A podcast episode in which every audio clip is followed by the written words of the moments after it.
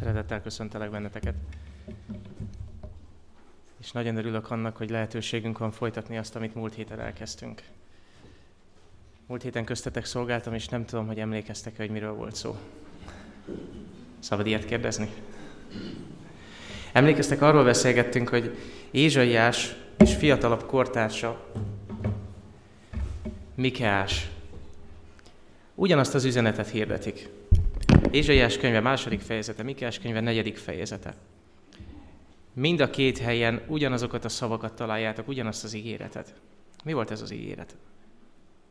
Ez az ígéret az volt, hogy az utolsó időben, az utolsó napokban magasan fog állni az úrházának hegye, hegyeknek felette, és népek jönnek majd. És azt mondják, hogy menjünk fel, menjünk fel Jeruzsálembe. És együtt megfejtettük az ige alapján, hogy ez, a, ez az időszak, ez egy, pontosabban ez egy időszak, amit az Úr megígért, az áldások időszaka, aminek el kell jönnie, mielőtt ő bevégzi a művét e földön. Egészen pontosan ez az ő művének a bevégzése a földön. Ezt hívtuk úgy, hogy a földművelés kapcsán késő eső. Így van, így van, így van, így van. De megvizsgáltuk egy nagyon fontos részét ennek az üzenetnek. Mégpedig azt, hogy ugye Ézsaiás könyvében ez a második fejezetben van.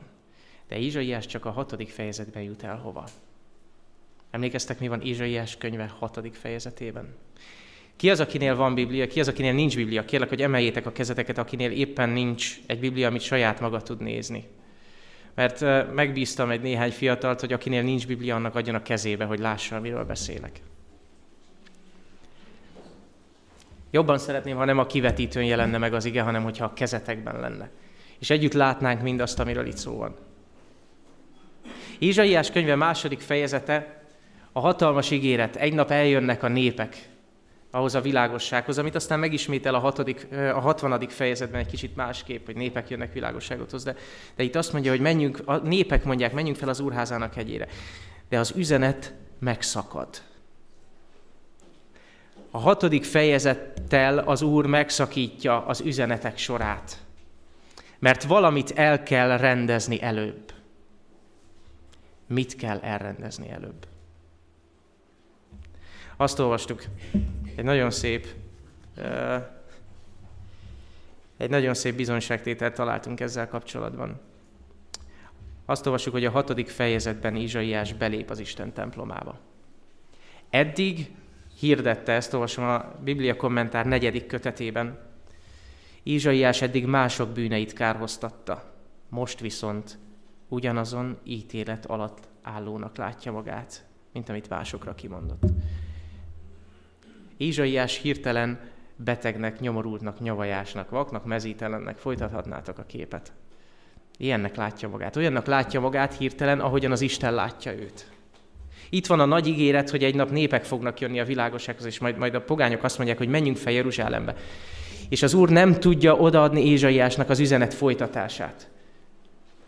A maradék, nem is tudom, 66 fejezet van, a maradék 60 fejezetet nem tudja átadni Ézsaiásnak. Nem, amíg, amíg Ézsaiás maga be nem lép az Isten elé, és olyannak nem látja önmagát, mint amilyennek az Isten látja.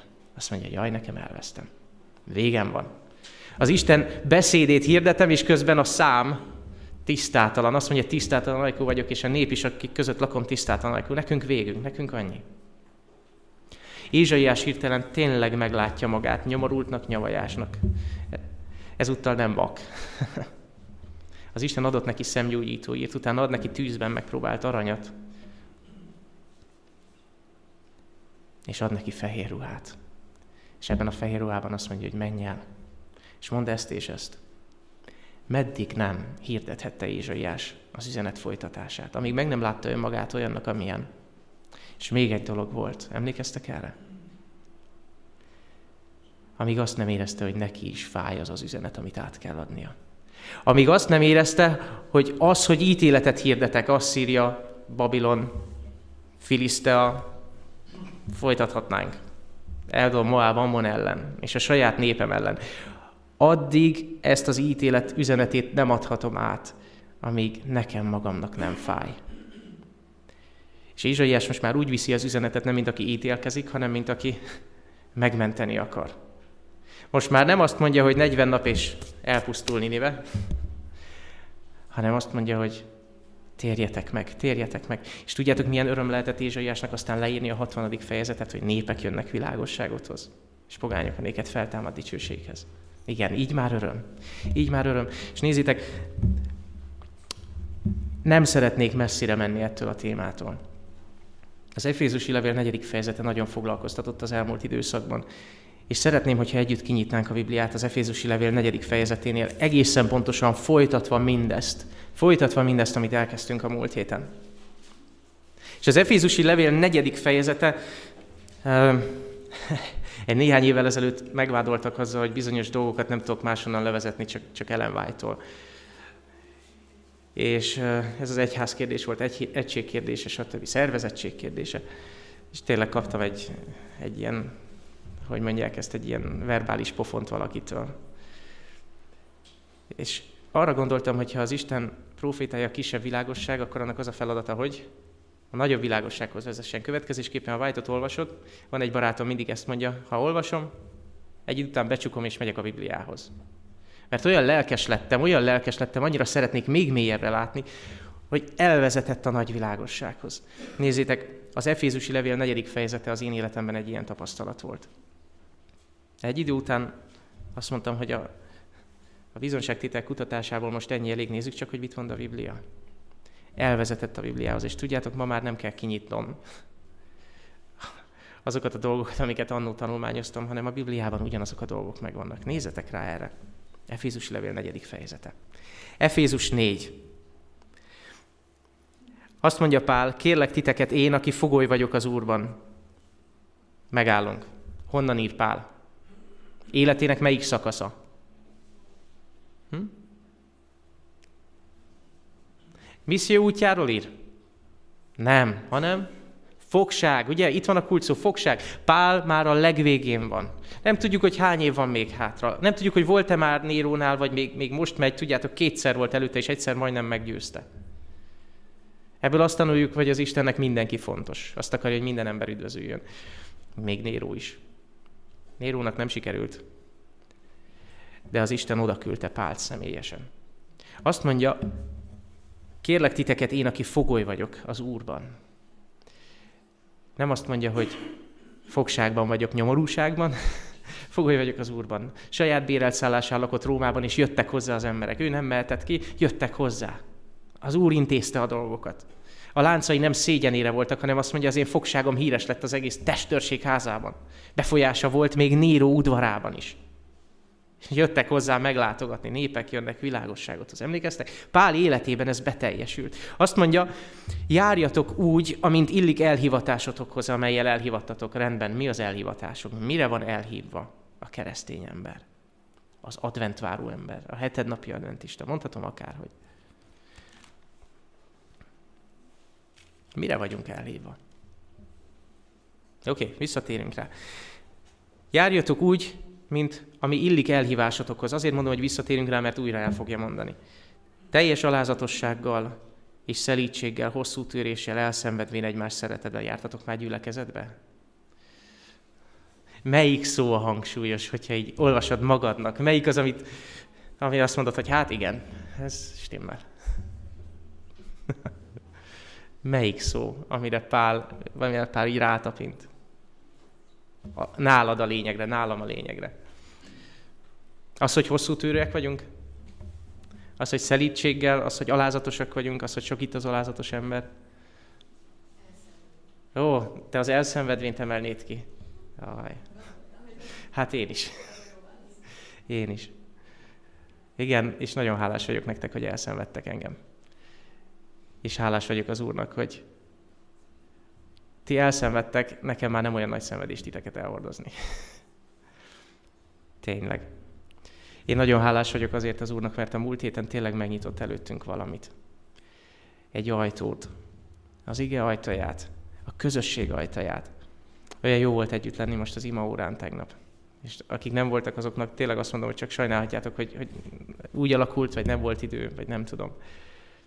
Fogtuk egymás kezét, úgy mondtunk, elment az ima végén, vagyis hát az ima után. Még áldott szombatot kívántuk egymásnak. Annyira nem nagy szenvedés ez, nem? nem is a szenvedésen van a hangsúly, nem? De ha mégis kell szenvedni, hát köszönöm, hogy engem elszenvedtek. Köszönöm, hogy engem elszenvedtek. Szenvedjétek el egymás szeretetben, nem a szenvedésen van a hangsúly. A szereteten van a hangsúly. Egymás elfogadásán van a hangsúly.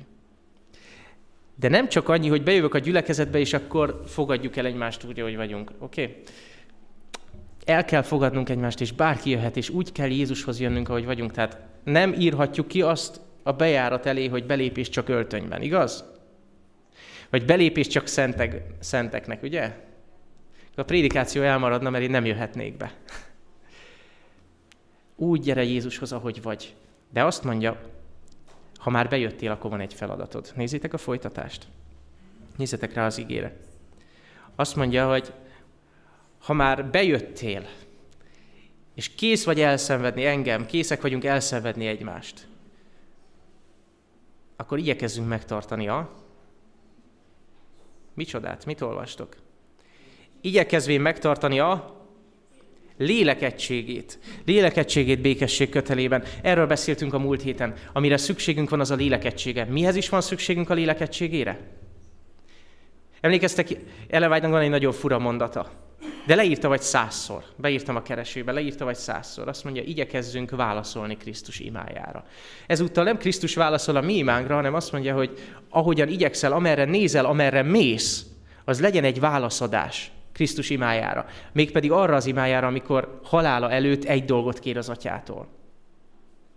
Azt akarom, hogy egyek legyenek. Mihez kell ez az egység? Miért kell nekünk válaszolni erre az imára? Mert az elhívásunk akkor halott. Ha nincs meg az egység, az elhívásod halott. Mert mi az elhívásod? Mi az elhívásunk, testvéreim? Mire hívta el Jézus a tanítványait az első perctől kezdve? Péter, gyere, ezentúl embereket fogsz halászni. Aztán eltelik három és fél év, Péter megtagadja, otthagyja, újra elhívja. Ugyanúgy halat kellett fognia újra. Újra szakadozott a háló. Bocsánat, a háló nem szakadozott másodszorra. nem, csak tele volt. És aztán azt mondja, legeltes, legeltesd a juhaimat. Mi az elhívásunk?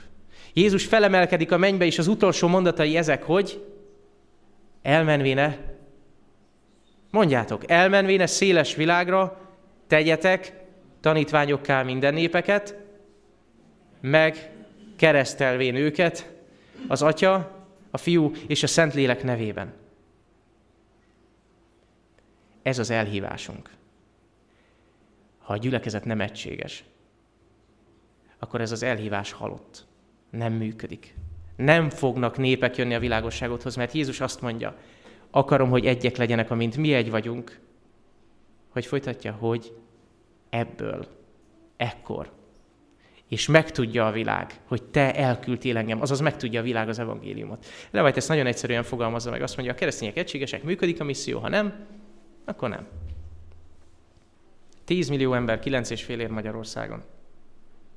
Adventistáról olyan 7000-ről tudok Magyarországon, aki annak vallja magát.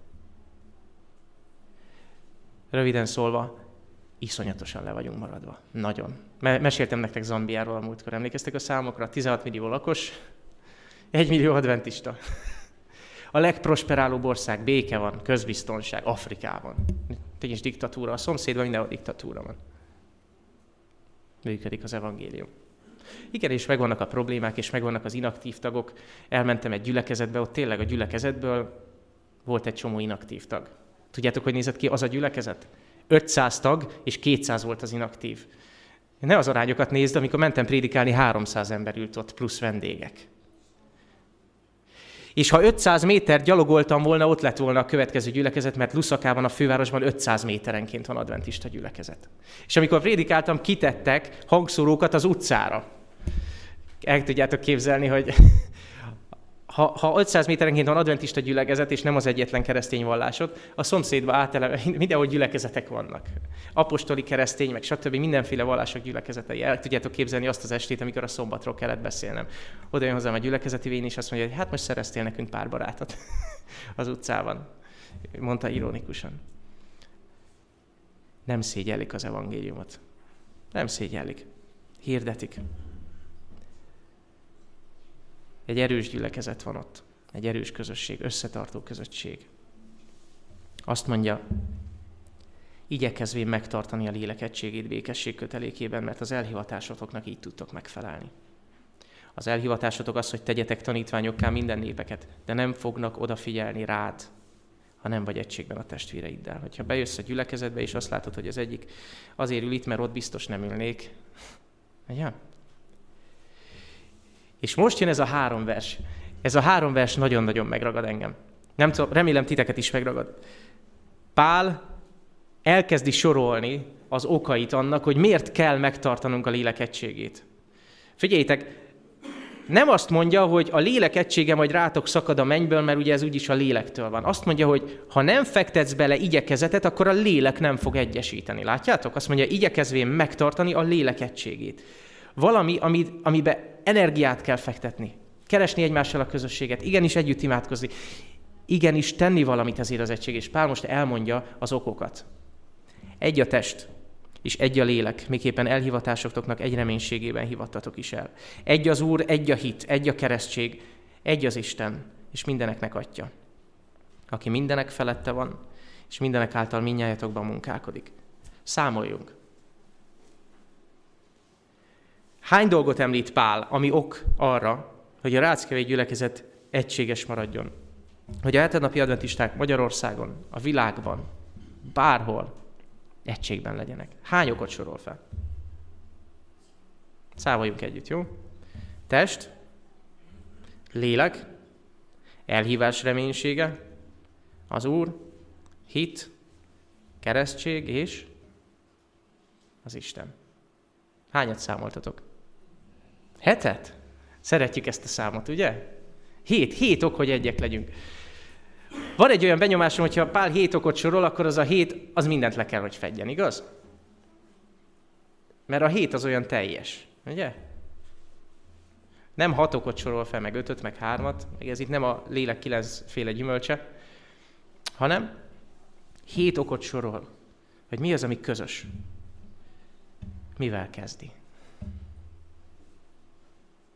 Mivel kezdi? Egy a test. Tehát legyünk egészségesek, viseljünk gondot a testünkre, ugye? Mert egy tested van, egy életed van. Erről beszél? Van, hogy erről is beszél, de itt nagyon nem erről beszél. Miről beszél? Milyen testről beszél? Hangosan. Gyülekezet. Vagy még nagyobb szóval az, eklézia, az egyház. Azt mondja, egy.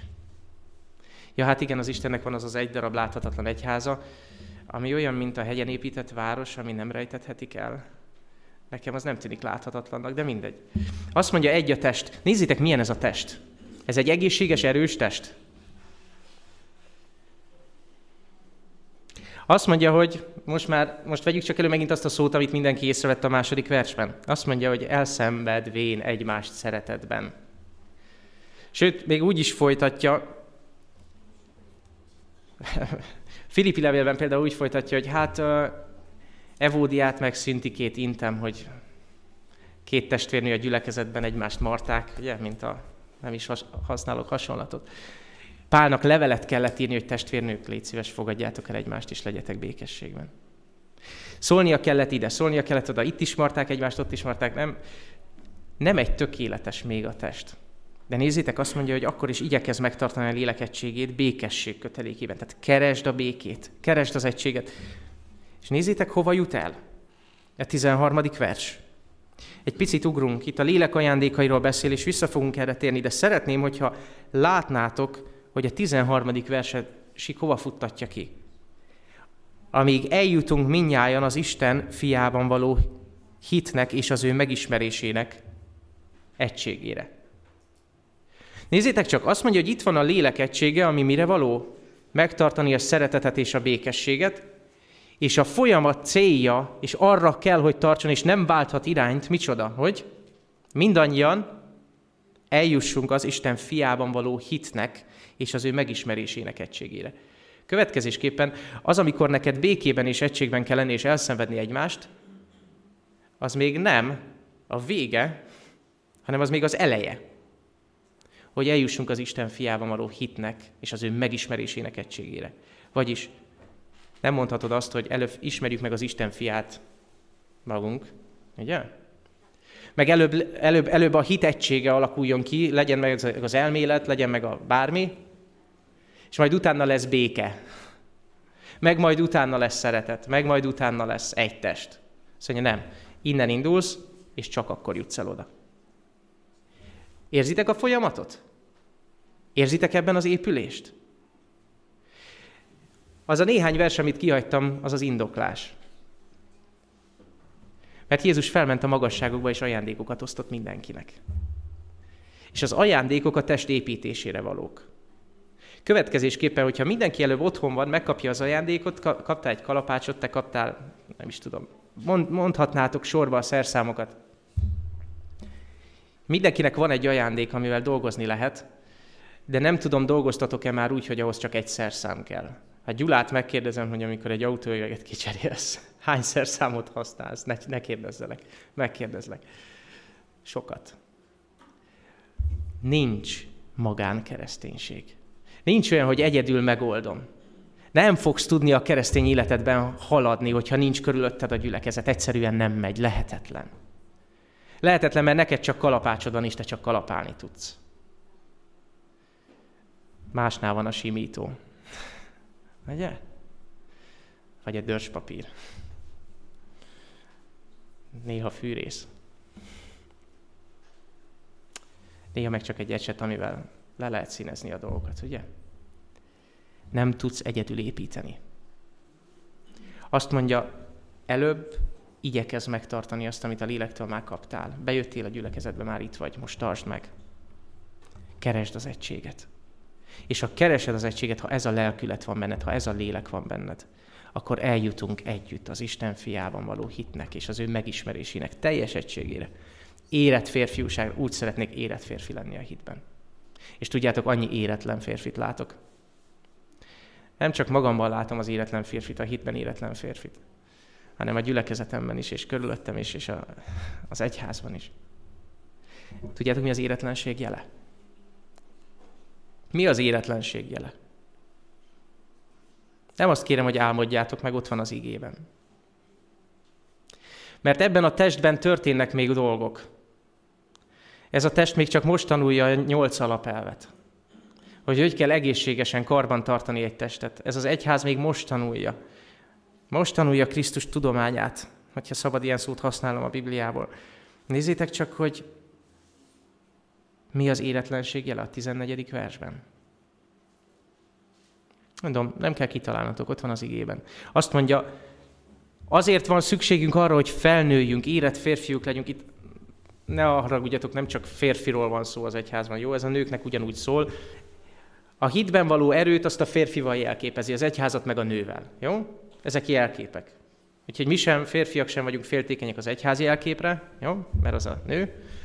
Lányok, ti legyetek féltékenyek a hitben való erőnek a jelképére, az meg a férfi. Ezek jelképek. Azt mondja,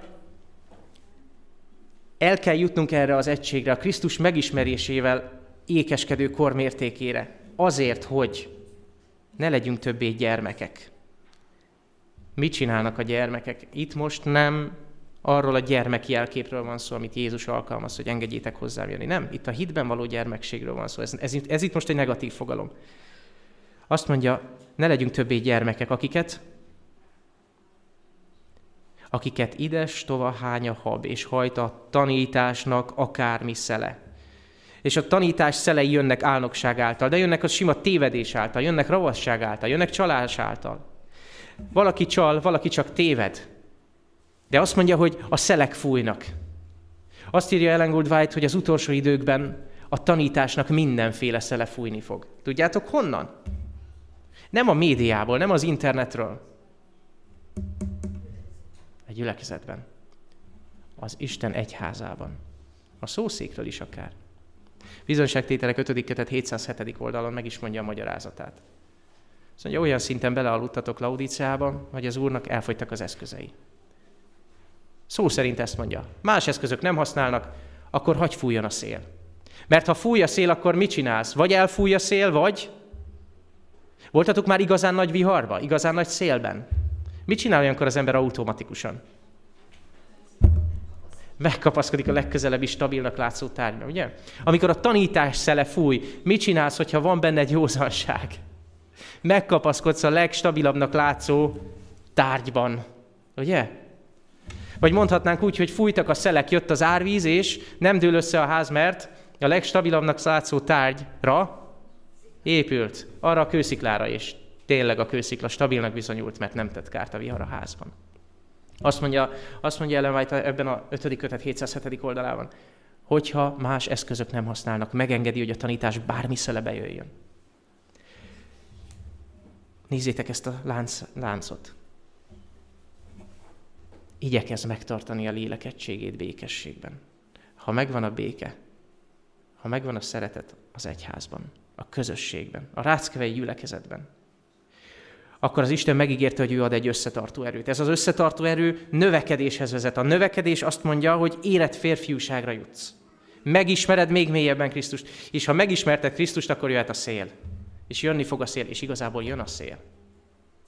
Tapasztaltátok már, hogy jönnek szelek? Megesik, ugye? Megesik. Úgyhogy menjünk csak vissza ez a negyediktől hatodik vershez, és nézzünk a mélyére.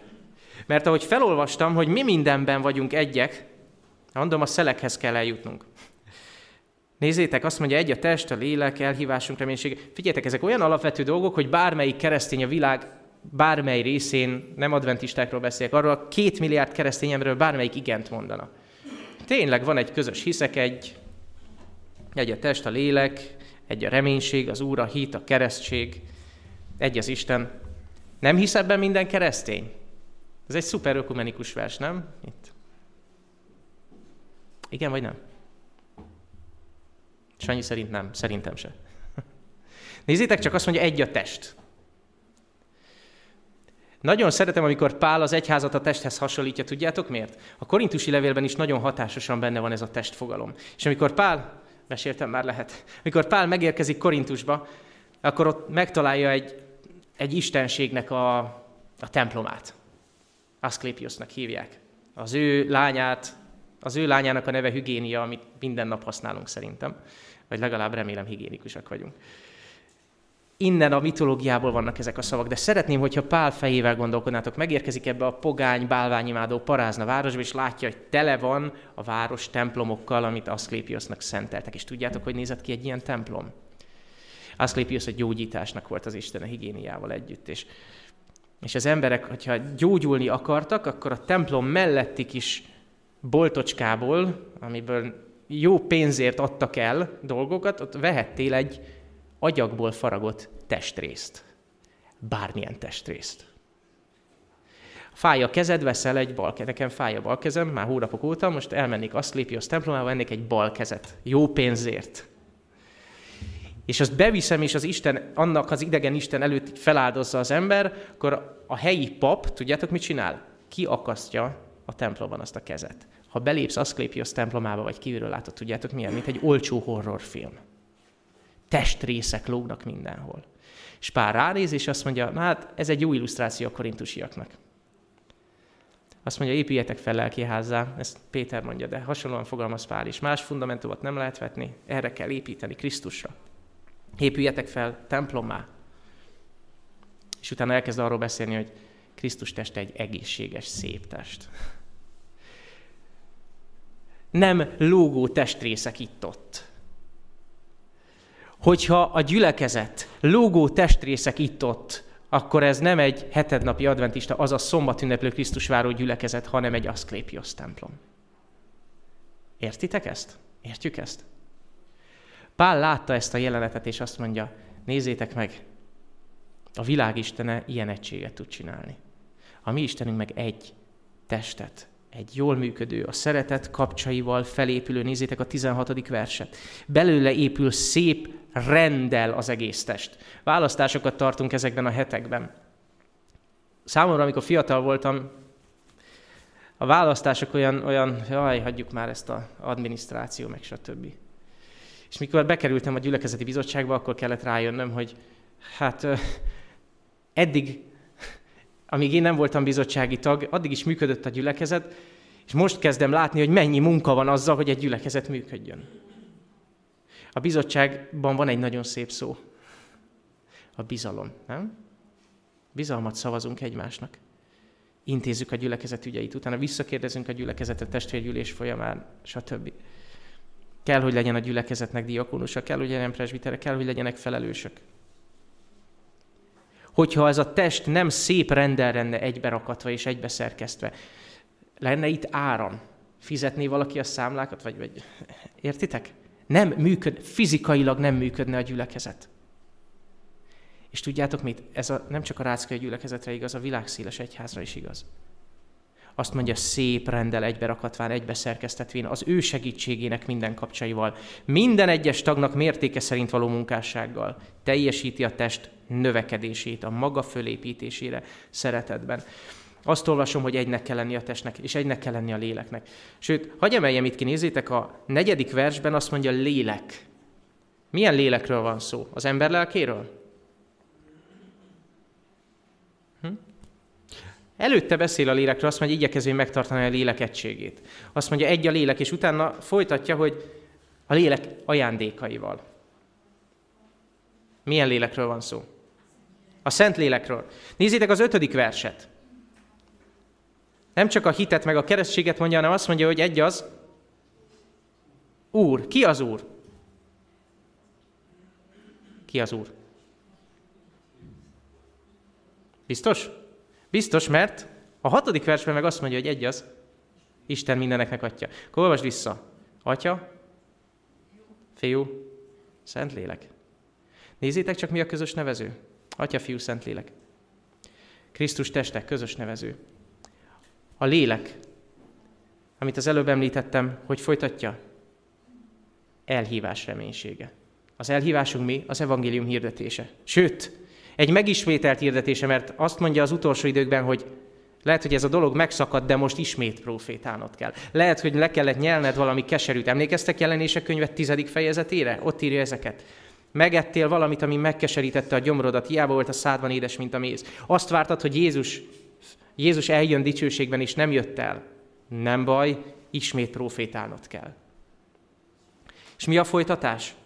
Elhívásnak egy a reménysége. Mi a reménység a Bibliában? Annyiszor beszéltünk erről. Csalfa és vak? Nem.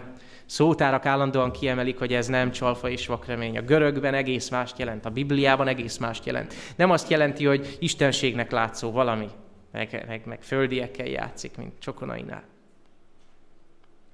azt mondja, hogy egészen bizonyos várása, elvárása valaminek, ami a jövőben egészen biztosan bekövetkezik, vagy amit a jövőben egészen biztosan elnyersz. Ez a reménység.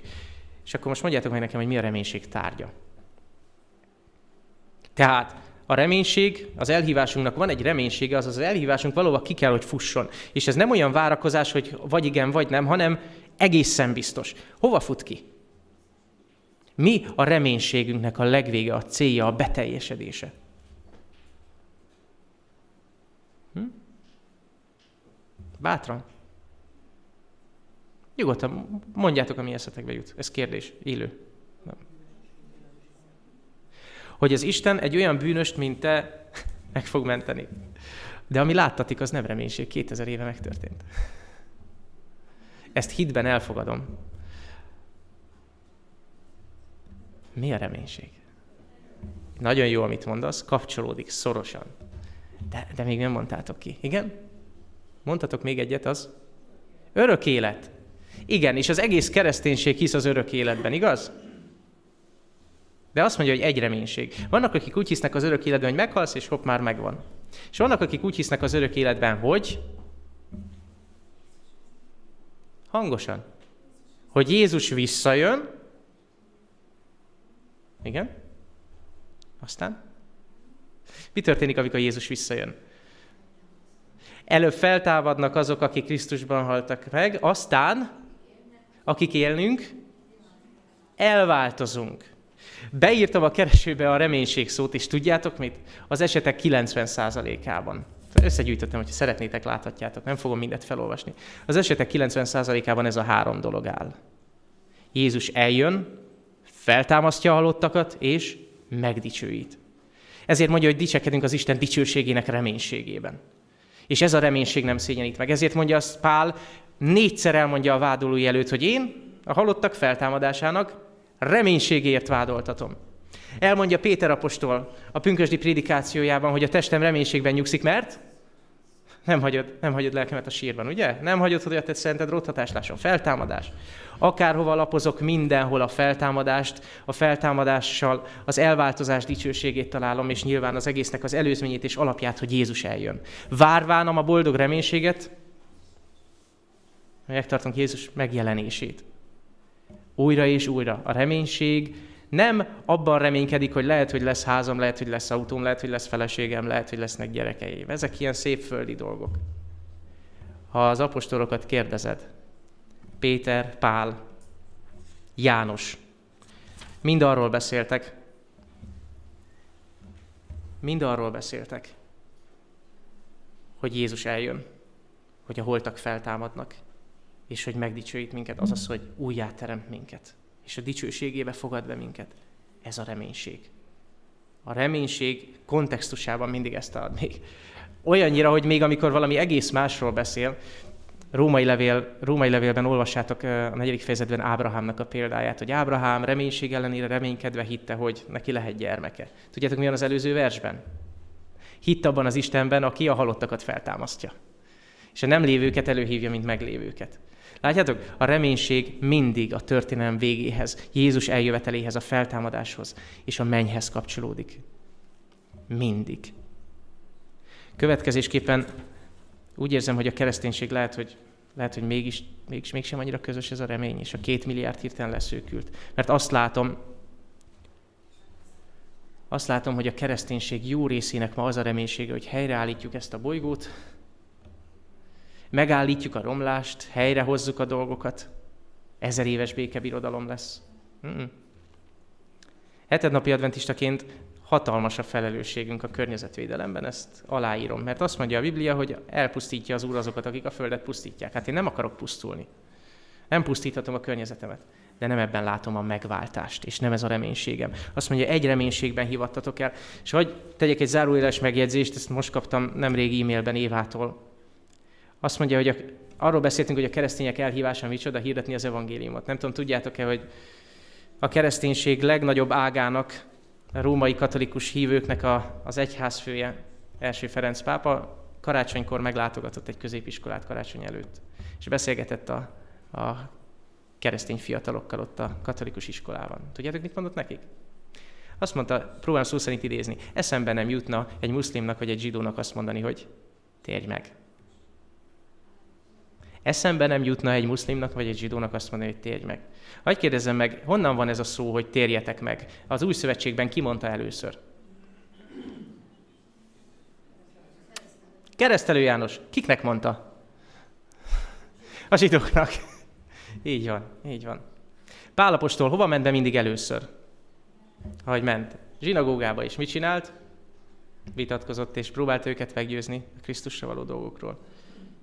A kereszténység úgy látom, hogy kezdi feladni azt, hogy mi az elhívása és mi a reménysége. És tudjátok, ha a reménység meg nem szégyenít, a reménytelenség szégyen. Hogyha egy másik reményt keresel, a szégyen. Nekünk egy reménységünk van. Egy az Úr, egy Jézusunk van, és tudjátok, azt mondanád, hogy ezt nem lehet eltéveszteni. Igen, Jézus tényleg egy van, nem? Azt mondja Pál, hogy vannak, van, aki más Jézust prédikál. Azt mondja maga Jézus, hogy hamis Krisztusok támadnak. Azt mondja, hogy egy a hit. Melyik hit?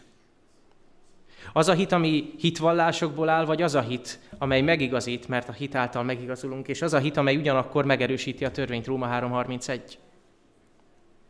Egy hitünk van? Egyfajta hit által megigazulás van? Vagy lehet, hogy többféle? Azt mondja, egy a keresztség. Egyféle keresztség van a világon? A keresztény világról beszélek.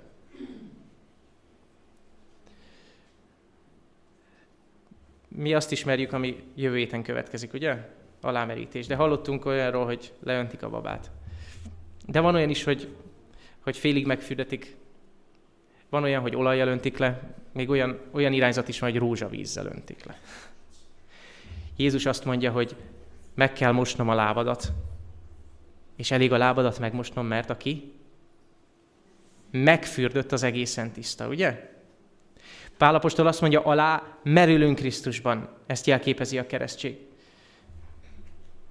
Azt olvasom, hogy egy az Isten, aki mindeneknek atya és mindeneknek felette van, és minnyájatokban mindenek által munkálkodik.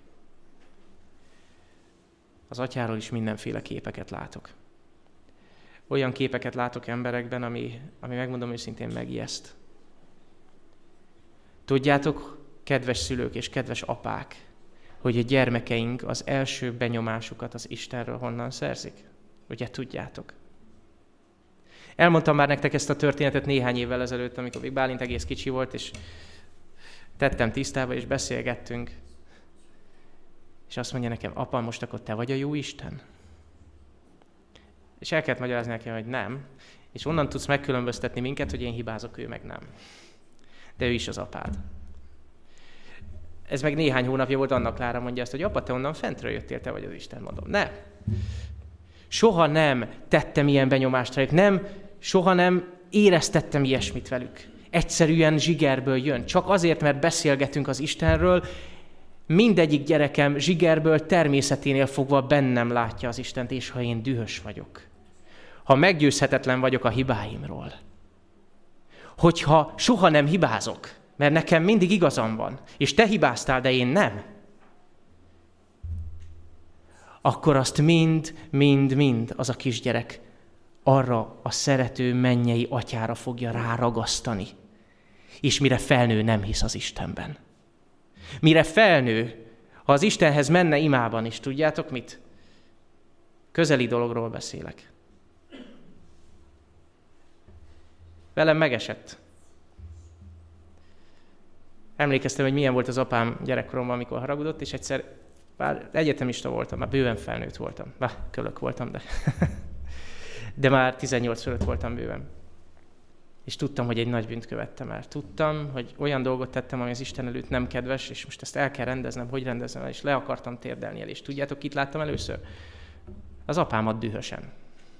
A szemem előtt, becsuktam a szemem, és őt láttam először. 21 néhány éves voltam.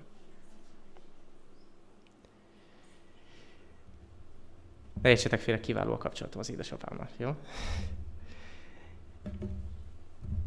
De mi van, amikor én vagyok dühös a gyermekeimmel?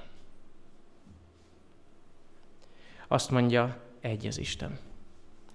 Azt az egy képet kell megtalálnod az Istenről.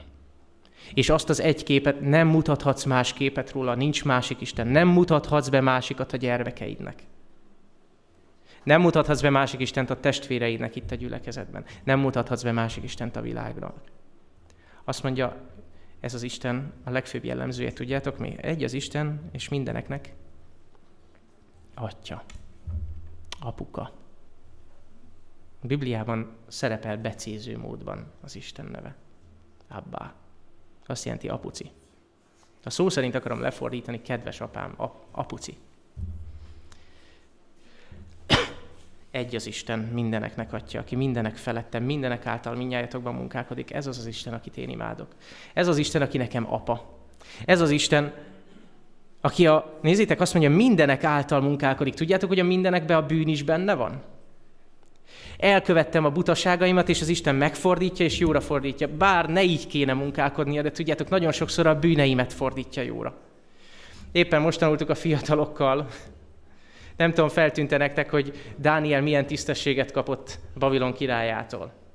Istennek lett kikiáltva. És tudjátok, hogy valószínűleg ennek köszönhető, hogy a harmadik fejezetben már csak Sidrák, Misák, Abednego van ott.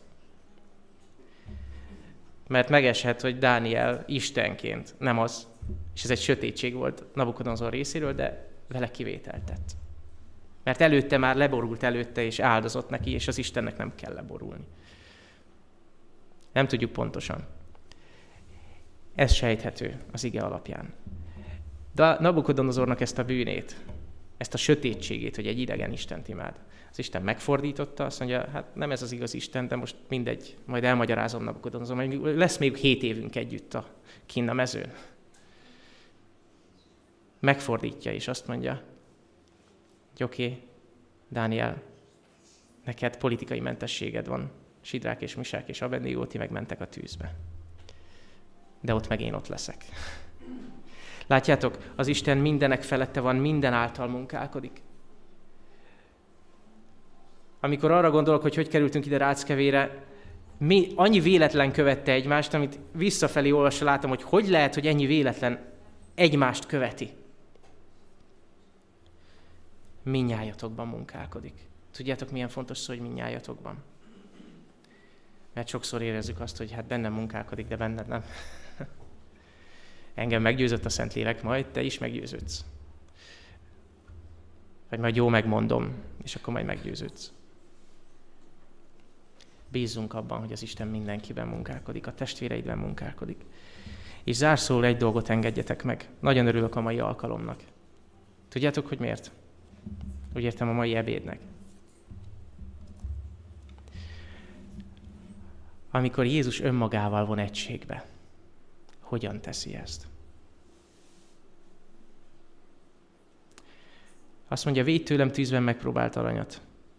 Szemgyógyító írt, fehér ruhát. És hogyha tiszta lesz a szemed, és már látni fogsz, az érzékeid, a hitbeli érzékeid kinyílnak. Nem csak a szemed nyílik ki, hanem a füled is, és meghalasz valamit. Azt, hogy én ott állok az ajtó előtt, és zörgetek. De ez még nem a Krisztussal való egység. Ez még a belépő. Mi a Krisztussal való egység? Kinyitod az ajtót, bejövök. Ez az egység. Nem. Mit csinálok? Veled vacsorálok, és te én velem, azt mondja Jézus. Leülünk egy asztalhoz. A Krisztussal való egység. Tudjátok, hányszor demonstrálta ezt Krisztus? Halál előtt mit csinál a tizenkét apostollal? Kívánva kívántam veletek együtt megenni a húsvéti bárányt. Feltámadása után mit csinál az apostolokkal? Nem hiszük el, hogy te vagy ez. Jó, leülök. Van valami ennivalótok? És ott előttük eszik. Mit csinál az Emmauszi úton a depresszióba süllyedt és, és pánikoló apostolokkal, vagyis hát bocsánat, ők a tanítványok voltak. A 12 körén kívüli körből valók. Mit csinál velük? Tanítja őket az igére. De mikor ismerik fel őt? Amikor a mozdulatot teszi, megtöri a kenyeret és odaadja nekik. Péter apostolt visszahívja a munkába. Hogyan hívja vissza? Péter maga alatt van, átkozódva és esküdözve megtagadta az urát. Legszívesebben Júdás után menne. Szinte öngyilkos gondolatai vannak, de tudja, hogy nem megoldás. Hogy hozza ki őt az Úr ebből a mély lelki válságból? Leülnek és együtt tesznek. És miután jól laktak, az Úr azt mondja neki, Szeretsz? Tehát igen. Biztos? Hát igen. Biztos? Uram, ezt te tudod. És kész. Péter feladja. Te tudod. Azt mondja, jól van. Akkor most már, most már legeltethetsz. Amikor Jézus együtt teszik a tanítványaival, azzal példát ad nekünk. És tudjátok, az egységhez a közösség vezet. Szükségünk van a közösségre egymással, és szükségünk van a közösségre. Igen, szükségünk van a közösségre a barátainkkal, azokkal, akiket hívunk. Mert Krisztus is így mutatta meg, milyen a közösség. Nézzétek, hány bibliai példa van. Ugye? Szinte tele van a Biblia ezekkel a példákkal. Azt szeretném, hogyha a gyülekezetem olyan egységes lenne, amilyen egységben az atya van a fiúval. Azt szeretném, hogyha a gyülekezetem olyan egységben lenne, mint amit annyiszor olvasok apostolok cselekedeteiben. Szívük, lelkük egy. Egy szóval könyörögnek, együtt, közös szívvel. Azt olvasom, hogy a lélek tökéletes egységet formált bennük. És amikor a tökéletes egység megszületett, akkor a lélek nem csak egyesítette a szíveiket, hanem kiárad, betöltötte a házat, megmozdult az a hely. Testvéreim, nekem ez az imádságom, és ezt várom az Úrtól, és ez az ő ígérete. Szeretnétek ezt az egységet megélni? Szeretnétek ezt az egységet megélni? Igen. Nekem is ez a vágyam. És az Úr megígérte és megadja. Ámen. Atyánk, hálásak vagyunk neked hogy Te jobban szerettél minket annál, mint sem, hogy elnézd, hogy elszakadtunk tőled, hogy megszakadt az egység a föld és a menny között. jobban szerettél minket annál, mint sem, hogy eltűrt, hogy Ádám és Éva elhagyta az édent, és ki kellett zárnod őket. Megoldást adtál Jézus Krisztusban, megoldást adtál az ő keresztjében, az ő halálában és az ő feltámadásában. És atyánk, ez a mi reménységünk, hogyha őt fel tudtad támasztani, hogyha ő feltámadta halálból, és a halál rajta többé nem uralkodik, akkor nekünk is lehet új életünk. És ha itt a Földön meg is halunk, akkor is Te új életet tudsz nekünk adni. Megdicsőült testben, megújult életben. Köszönjük a reménységet, hogy Jézus hamarosan eljön. Hogy ez a nap nagyon közel van. És atyánk, tudjuk, hogy amikor Jézus eljön, csak azok állhatnak elé, akiknek a szívük tiszta, akik már előbb megtisztították ruháikat a bárány vérében. És köszönjük, hogy ma, éppen ma szól a Te hangod hozzánk. Ma, ha a Te szavadat halljuk, nem akarjuk megkeményíteni a szívünket, meg akarjuk alázni magunkat előtted, megvalani a mi bűnünket, megvalani azt, hogy bölcsebbnek hittük magunkat, erősebbnek hittük magunkat, tisztábbnak hittük magunkat, mint mások. Ézsaiással együtt mi is szeretnénk felkiáltani, hogy jaj, nekünk elvesztünk, de hoz kérünk tüzet az oltárról, tisztíts meg. Hogy így várhassuk azt a napot, amikor Jézus eljön. Ennek fényében kérünk, hogy így segíts betölteni a küldetésünket, amire Jézus elhívott, amivel megbízott minket. Hogy akárhol vagyunk, akárhol megyünk, az életünk minden perce az evangélium hirdetéséről szóljon. És köszönjük, hogy Te megcselekszed Jézus nevében. Ámen.